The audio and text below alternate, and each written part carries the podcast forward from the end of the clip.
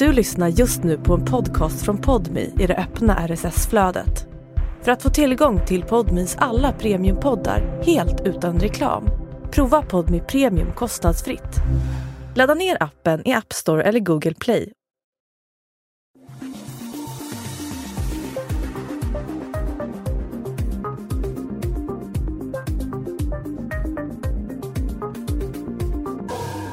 En majnatt år 2005 är flera människor i rörelse på Oxelösunds gator.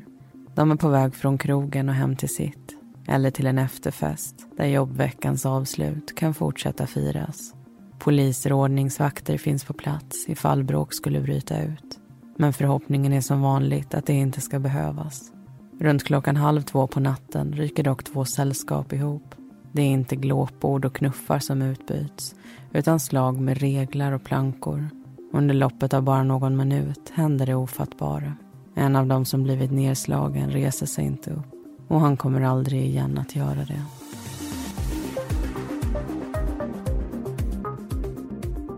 Du lyssnar på Mordpodden. En podcast om den mörka verkligheten. I veckans avsnitt ska du få höra berättelsen om Oxelösundsmordet.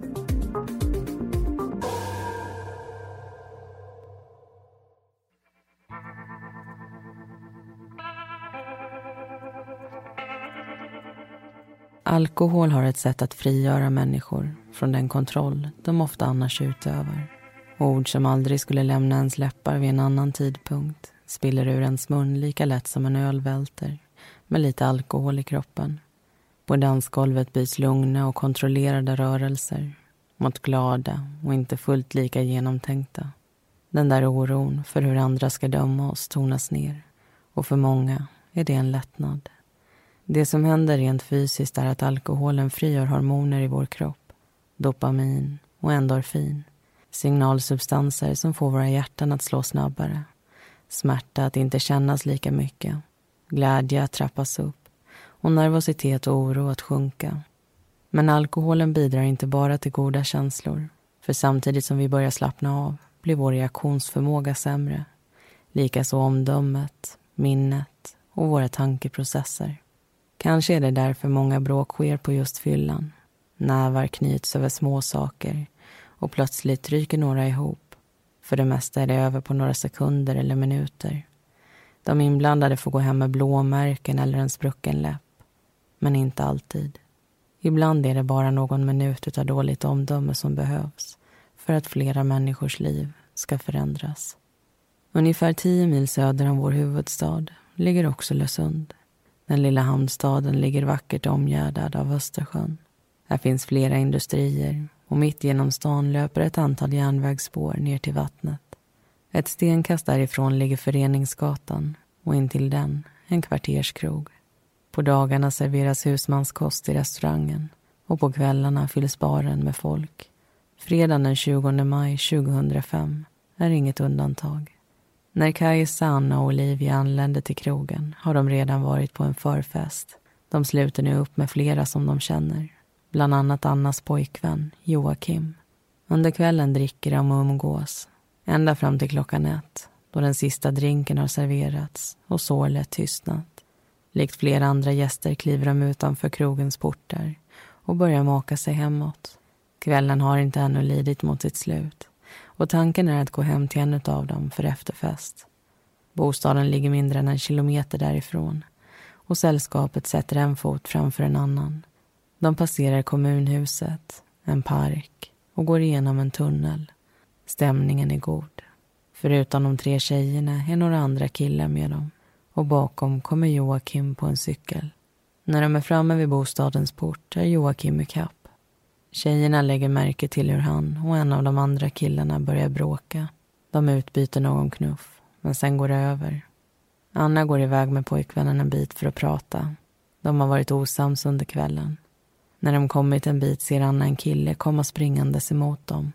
Helt oprovocerat slår han till Joakim i ryggen. Kajsa ser det som händer och reagerar snabbt. Joakim står hukad på marken.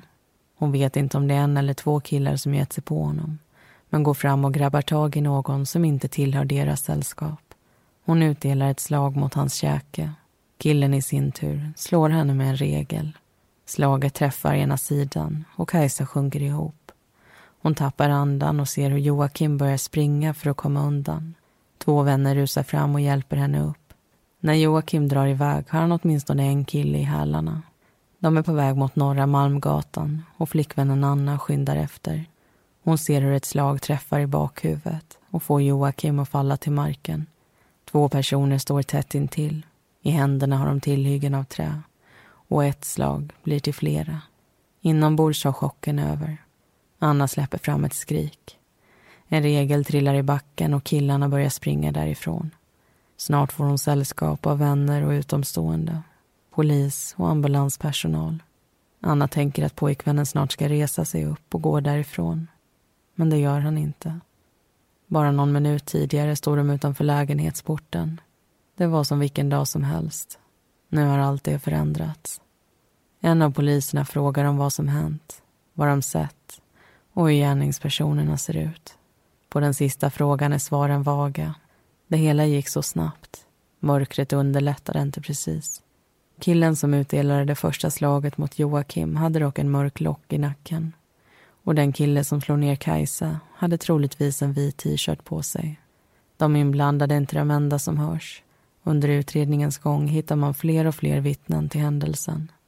Människor som likt Anna och Joakim varit ute den här kvällen. Men också personer som befunnit sig inomhus och hört oväsendet. Iakttagelserna leder utredningen framåt och snart har polisen hittat de personer de söker. Emil, Adam och Simon. Tre unga killar som i utredningsmaterialet klassas som misstänkta.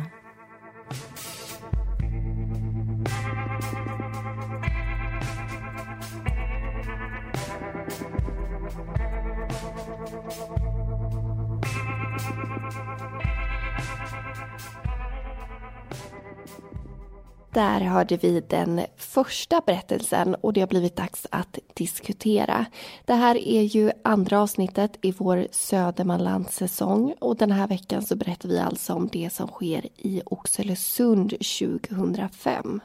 Och det här avsnittet är ju uppbyggt som så att vi kommer höra om samma händelse flera gånger om fast från olika perspektiv. För attacken den är ju kort, alltså det går väldigt snabbt som en av de inblandade säger. Eh, och det finns inte heller någon historik mellan offer och gärningspersoner utan eh, de är ju främlingar. Och allas vittnesmål de tillför ju också någonting till händelseförloppet. När eh, polisen börjar utreda så är ju det här viktiga pusselbitar att få fram så att man förstår vad som har hänt i sin helhet eller i alla fall så nära det man kan eh, komma. Eh, och det är ju inte helt självklart från början vad det är som har skett eller vem som har gjort vad. Och vi ska ta upp två vittnesmål till här i diskussionen. Men innan vi hoppar in i det så tänkte jag att vi ska prata om svårigheterna i det här fallet. Vi har kommit in lite på det redan. Det här går ju väldigt snabbt. Det handlar bara om någon minut från det första slaget som träffar Joakim tills att de här killarna springer därifrån och Joakim ligger kvar på marken. Det är sent och det är alltså väldigt mörkt utomhus. Flera av vittnena befinner sig inomhus eller en bra bit bort så det är inte så lätt att se vad det är som händer. Och flera av de inblandade är dessutom berusade vilket kan men inte måste påverka deras minne och omdöme. I det här fallet så säger de flesta att de druckit cider och eller stark öl och det är alltifrån fyra till tio stycken så det är lite blandade grader av berusning. Och hade man som utredare fått välja omständigheterna så skulle man ju troligtvis välja motsatsen till vad de var i det här fallet. Att eh, vittnena i fråga fått en bra stund på sig att observera gärningspersonerna, lägga saker på minnet, att det är ljust, att man står varandra nära, att samtliga är nyktra, att samtliga är opåverkade. Eh, men man måste ju ändå jobba med det man har. Och även om alla inte har sett exakt samma sak är det ju ändå mycket som går igen i de här vittnesmålen som polisen får höra. Och berättelse 1 det är ju uppbyggt utifrån dem i det attackerade sällskapet. Det de minns, alltså Joakim och hans vänner och bekanta som rör sig från den här krogen den här natten. Men det är ju en av de här personernas historia som vi inte har tagit upp ännu och det är Olivias. Olivia är tillsammans med Kajsa och Anna den här kvällen. Men till skillnad från resten av sällskapet så är hon nykter. Hon beskriver det som att de alla anländer till bostaden tillsammans. De går inte in utan står utanför porten när det blir lite tjafs mellan Joakim och en av de andra killarna. Olivia ber då en kille vid namn Isak att gå emellan och snart så är det lugnt igen. Men tyvärr så varar ju inte det här lugnet speciellt länge. För nästa sak hon ser är att några personer hoppar över ett staket till ett grönområde som ligger alldeles intill. Och i deras händer så vilar plankor. Och i samma stund som det sker så går Joakim och Anna bort en bit. och det är då som killarna går till attack. Det första slaget som utdelas träffar Joakim i ryggen. Därefter så går Kajsa emellan och snart så ligger också hon på marken. Och vem eller vilka det är som slår, det är ju inte någonting som hinner registreras i Olivias hjärna, likt flera av de andra som är där. Hon bara uppfattar att det händer. Eh, och då Kajsa hamnar på backen så är det hon och det är Isak som går fram för att kolla hur det är med henne. Och i samma veva som det sker så rundar Joakim ett hörn och försvinner ur hennes synfält. Och Olivia beskriver det som att det bara är en dryg minut som passerar innan hon själv rundar det där hörnet och ser Joakim ligga på marken. Och flickvännen Anna sitter då intill honom och en kille står och pratar i en mobiltelefon, förmodligen med SOS-alarm. Och det andra vittnesmålet är från en av poliserna som dyker upp den här kvällen. Det här vittnesmålet tar vid där många av de inblandade berättelser slutar. Polisen i fråga är på en vanlig patrullering den här natten tillsammans med sin kollega när ett larm når honom. Genom det här larmet så får de information om att en person ska blivit nedslagen på Norra Malmgatan. Så den här polisen och kollegan beger sig dit. När de kommer fram så hittar de Joakim på marken. Han är inte kontaktbar och intill honom så sitter flickvännen Anna. De förstår på hennes agerande att hon är chockad, vilket såklart inte alls är konstigt. Och under tiden som de försöker hjälpa Joakim så kommer det ju fram flera människor som har sett eller hört någonting av det som har hänt. Så medan kollegan förblir vid Joakims sida så börjar den här polisen att anteckna vittnesutsagorna. Och kollegan känner under tiden efter en puls på Joakims handled men han har svårt att hitta det här rytmiska bultandet och eh, han kontrollerar även andningen. Men det är så väldigt högljutt runt omkring så det är svårt för honom att ändå avgöra i vilket tillstånd Joakim är. Men till slut så inser dock poliserna att det finns inte någon puls. Hjärt och lungräddning påbörjas och den kommer fortsätta tills ambulansen anländer 5 till 10 minuter senare. Och vi ska nu bege oss in i berättelsen igen och vi ska få höra om den här händelsen utifrån de misstänktas perspektiv men också från grannar och några andra personer som killarna ryker ihop med tidigare under kvällen. Och det ska vi lyssna på nu.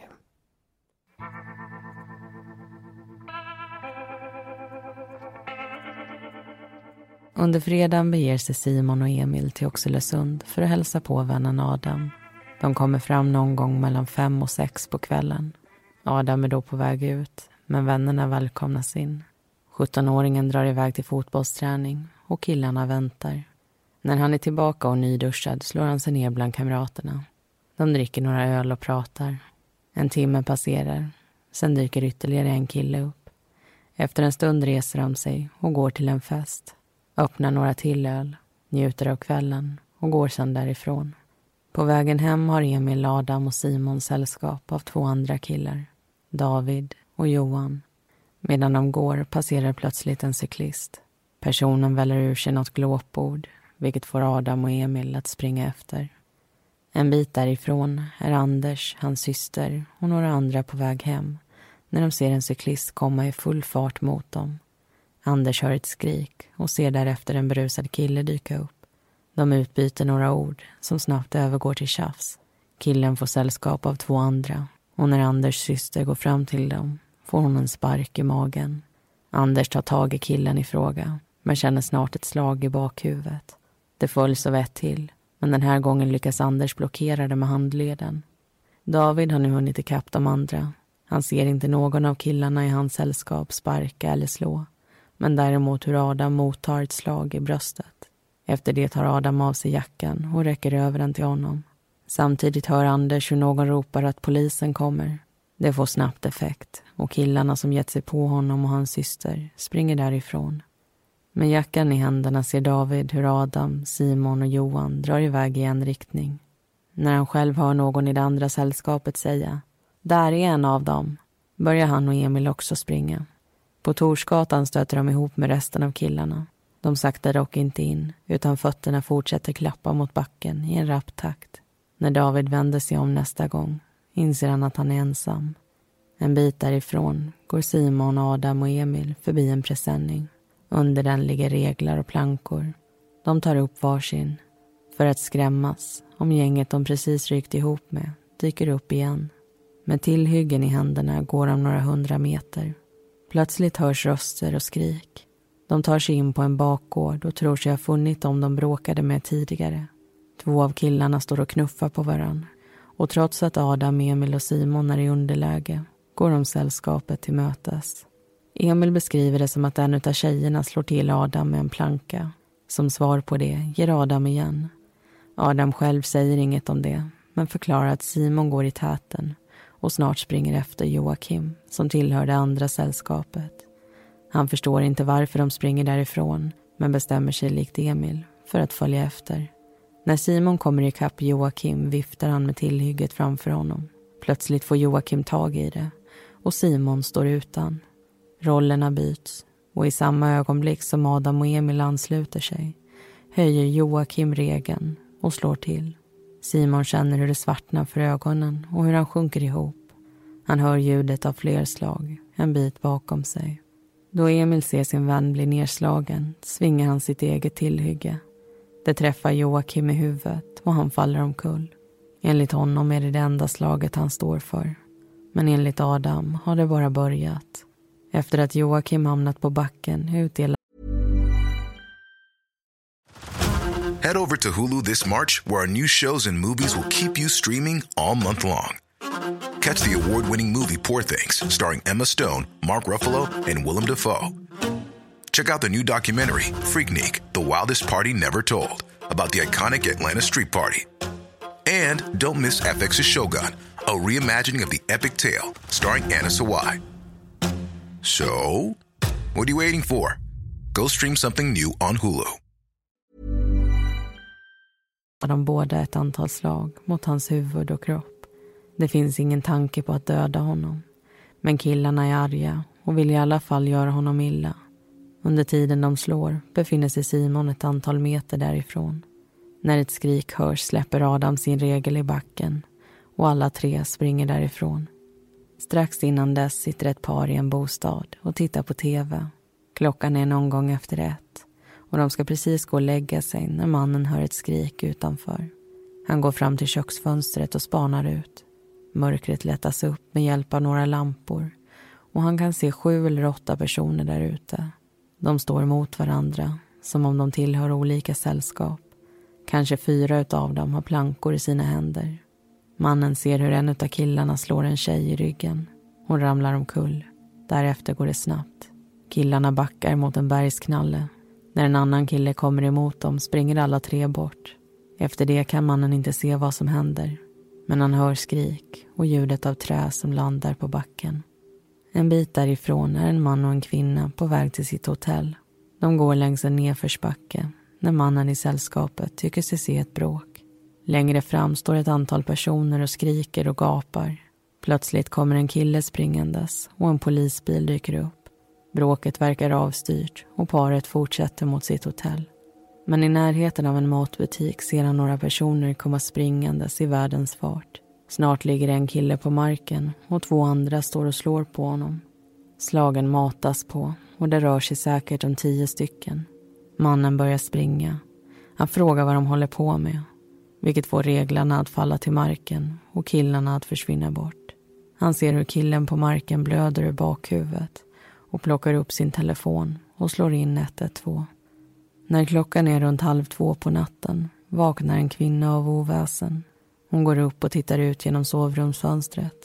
Därifrån ser hon ett antal ungdomar. En håller i en planka och höjer den över sitt huvud. Två, tre gånger träffar han en person som ligger på backen. Kvinnan hör de dova ljuden från slagen.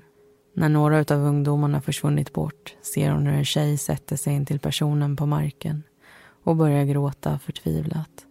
I ett annat bostadshus observerar ytterligare en kvinna nattens händelser. Till en början hör hon glada stämmor, men inom kort ändras tonläget. Rösterna blir starkare och när hon tittar ut ser hon två killar med varsin planka. Trots mörkret är tillhyggena lätta att se då det ljusa virket lyser upp. De ser ut att vara en meter långa och kanske en decimeter breda. Plötsligt slås en av dem i ryggen på en tjej. Ett skrik hörs och hon sjunker ihop. Inuti bostaden har kvinnans man vaknat. När han får veta vad som hänt frågar han om frun ringt polisen. Hon går iväg för att göra det medan maken står kvar i fönstret. Killarna försvinner bort bakom en bergsknall. Han hör skrik och ser de upplivningsförsök som görs för killen på backen. För David har det bara passerat några minuter. Cyklisten som skrikit glåpord och bråket med Anders och hans syster är färskt i minnet. Sen han och de andra kommit ifrån varann har David hört konstiga ljud, dunkningar. Plötsligt dyker Adam upp igen och David hör en tjej skrika att någon ska ringa efter en ambulans. Han förstår att någonting har hänt, men inte vad. Varken Adam, Emil eller Simon vill stanna och förklara. Därför skyndar de sig tillbaka till Adams bostad. Kort därefter lämnar killarna Oxelösund och beger sig till Nyköpings lasarett. Simon har ont i nacken och söker vård för det. Han berättar att han trillat i en trappa och blir undersökt. Innan de hinner lämna sjukhuset kommer en tjej in. Simon hör henne skrika att någon har dött.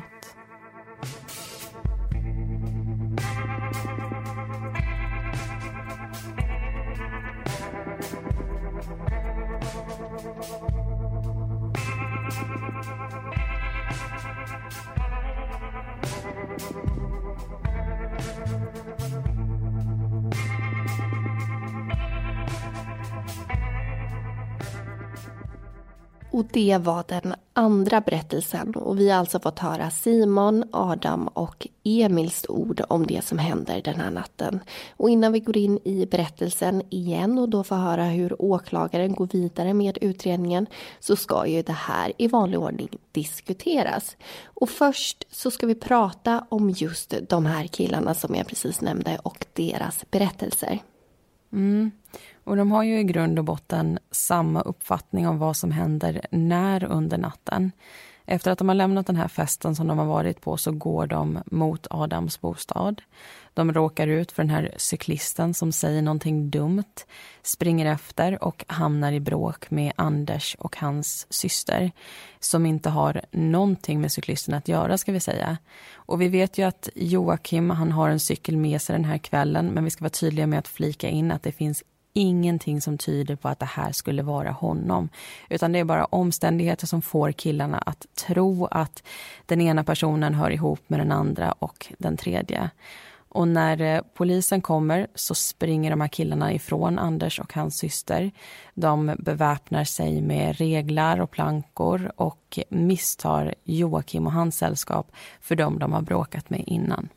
Men trots att de är överens om ordningen så är det ett par saker i deras vittnesmål som sticker ut. Flera vittnen och inblandade berättar att de sett Simon slå Joakim och sen springa efter. Men enligt samtliga killar så utdelar han inget slag utan det är Joakim som gör det enligt dem. Och därefter så går de till motattack.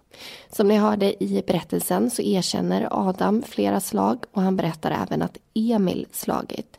Men Emil själv vill bara kännas vid det första och vittnen har dock sett båda två slå. Så det är ju lite skilda meningar om vem som har slagit och när folk har slagit och vem som har slagit vem. Och det är det som är det kluriga i det här fallet att också reda ut. Mm. Och vi vet ju att alla tre de plockar ju upp en regel eller en bräda, det säger de ju också själv. Och genom en snickares vittnesmål så får vi reda på att det finns en brädhög med just sådana regler bara en bit ifrån de här platserna. Och det som gör de här reglerna unika eller snarare igenkänningsbara det är ett speciellt sågsnitt. Så de har med allra största sannolikhet tagits just ifrån den här brädhögen. Och det i sig kanske inte är någonting anmärkningsvärt men Anledningen till att vi tar upp det, det är ju för att killarna i fråga säger att även andra personer har burit runt på reglar den här kvällen. Emil berättar att Adam blir slagen med en regel under det här sista bråket. Troligtvis så är det Kajsa han pekar ut som förövare men det här påståendet får inte ens backning av Adam själv. Och i det första bråket, alltså bråket med Anders och hans syster så pratar också Simon om att någon i det andra sällskapet hade ett träföremål i sin hand. Och Det här kan ju såklart bero på att killarna vill tona ner sin egen involvering. Någonting som är ganska naturligt när man står anklagad för ett brott och särskilt ett så allvarligt brott som det här är. Och Det kan ju också få det att likna mer av en nödvärnssituation att båda parterna är beväpnade. Och Det kan vara värt att nämna att vittnen också tycker sig se personer på olika sidor i de här bråken ha just tillhyggen i sina händer. Men oddsen för att det verkligen är så, det är ju inte särskilt bra utan det handlar ju förmodligen om att man har svårt att urskilja vem som är vem. Och om vi fortsätter prata om de här tre killarna så tänkte jag att vi skulle ta upp två saker till.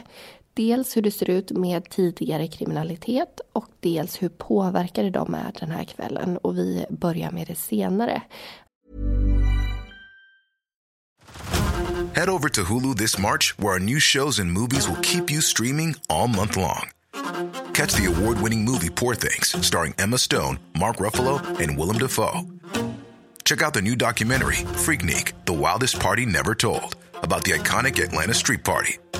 And don't miss FX's Shogun, a reimagining of the epic tale starring Anna Sawai. So, what are you waiting for? Go stream something new on Hulu. Alla tre har druckit alkohol Adam berättar för polisen att han fått i sig minst tio stycken starköl. Simon landar på en liknande siffra, ungefär 8 till 10 stycken vill jag minnas. Och Emil har druckit 8 till 9 starköl. Han förklarar också att han rökt hash under fredagen. Och i tingsrättsdomen så tas ju även tidigare kriminalitet upp. Men man tittar då bara på Adam och Emils. Så om Simon vid tillfället finns med i belastningsregistret eller inte, det vet vi faktiskt inte. Vi får däremot reda på att Adam förekommer under tre avsnitt. Två av dem är trafikförseelser, vilket kan vara allt ifrån fortkörning till trasiga ljus och att man inte har bälte på sig. sådana saker.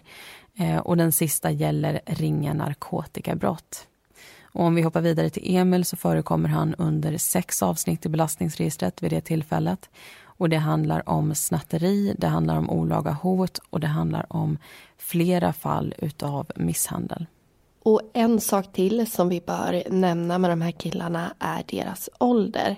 Alla tre är födda samma år, men Emil och Adam är 17 år och Simon har redan fyllt 18 när Joakim dödas. Och om ni har koll på det här med ungdomsrabatt så förstår ni nog att det kan få konsekvenser om de här killarna döms.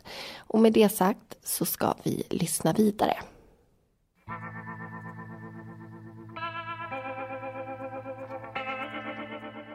Det dröjer inte lång tid efter Joakims död innan polisen får upp ögonen för Emil, Simon och Adam.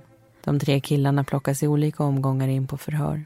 Ingen vill kännas vid att just de är orsaken till Joakims död. Men de berättar i alla fall vad som hände den där kvällen. Sen dödsfallet uppenbarades har förundersökningen växt för var dag som gått. Resultat från rättsläkaren har lagts ihop med vittnesmål, protokoll och PM från olika undersökningar. När åklagaren känner att det är tillräckligt lämnas en stämningsansökan in och åtal är därmed väckt. Under sommaren drar huvudförhandlingen igång i Nyköpings tingsrätt. Åklagaren inleder med sin sakframställan, berättar sin teori kring vad som skett den där natten och lägger fram bevisning som ska styrka det. Ett PM beskriver ljusförhållandena på brottsplatsen den aktuella dagen. Ett annat en träregel som hittas intill Joakim. Och i ett tredje PM diskuteras avstånd och gångtid. Mellan krogen och brottsplatsen är det 602 meter. Enligt ett gångtest tar det cirka 7 minuter och 40 sekunder att ta sig från det ena till det andra. Eftersom man vet att krogen stängde klockan ett kan man ringa in en ungefärlig tid för misshandeln. I ett beslagsprotokoll som åklagaren lägger fram tittar man närmare på de tillhyggen som tros ha använts. Två är reglar på 70 x 40 mm. Den tredje är en bräda med måtten 70 x 20 mm.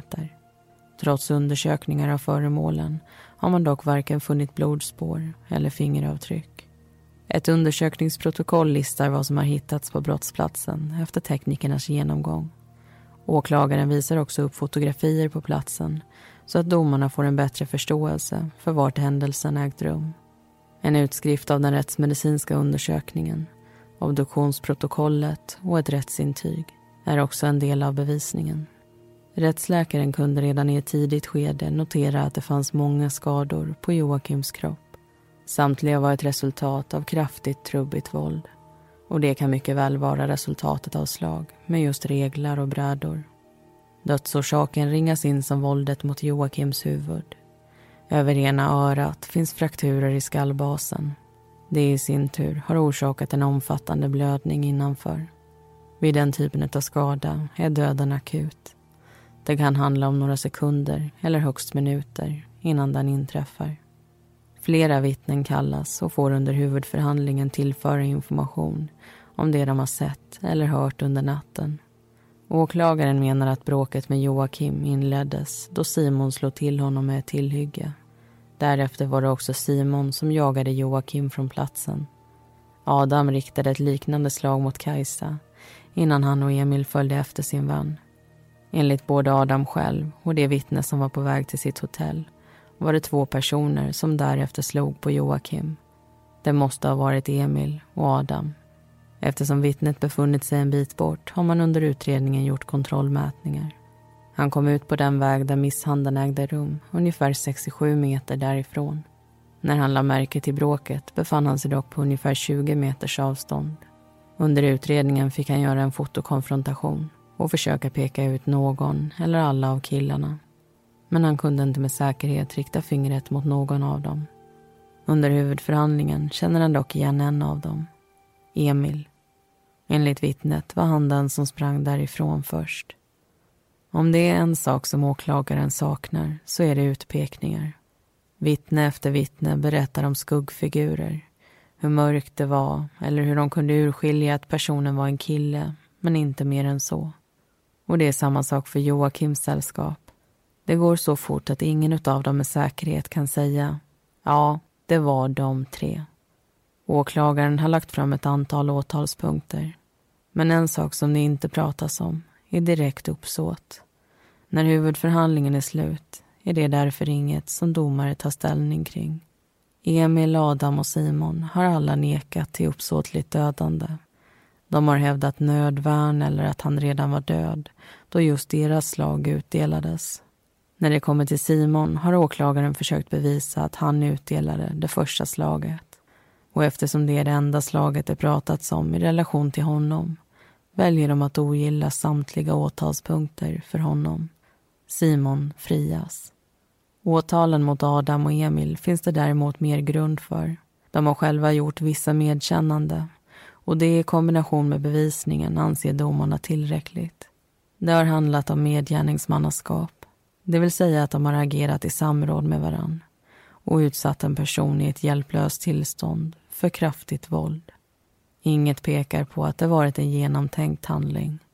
Oaktsam blir därför ordet som beskriver det och brottsrubriceringen vållande till annans död och grov misshandel. På grund av killarnas ålder beslutas påföljden till sluten ungdomsvård i tre års tid. Den 1 november ändras dock det beslutet med Svea hovrätts dom.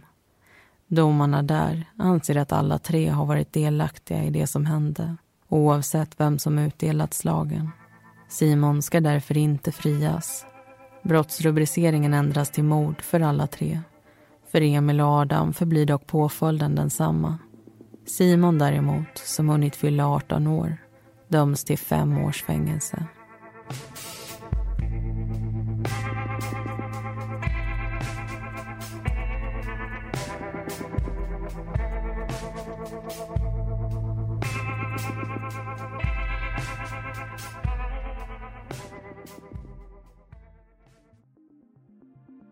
Tack för att du har lyssnat på det här premiumavsnittet. Alla heter egentligen någonting annat och informationen är hämtad ifrån domarna i fallet. Nästa vecka så är vi tillbaka med ett nytt fall ifrån Södermanland. Missa inte det.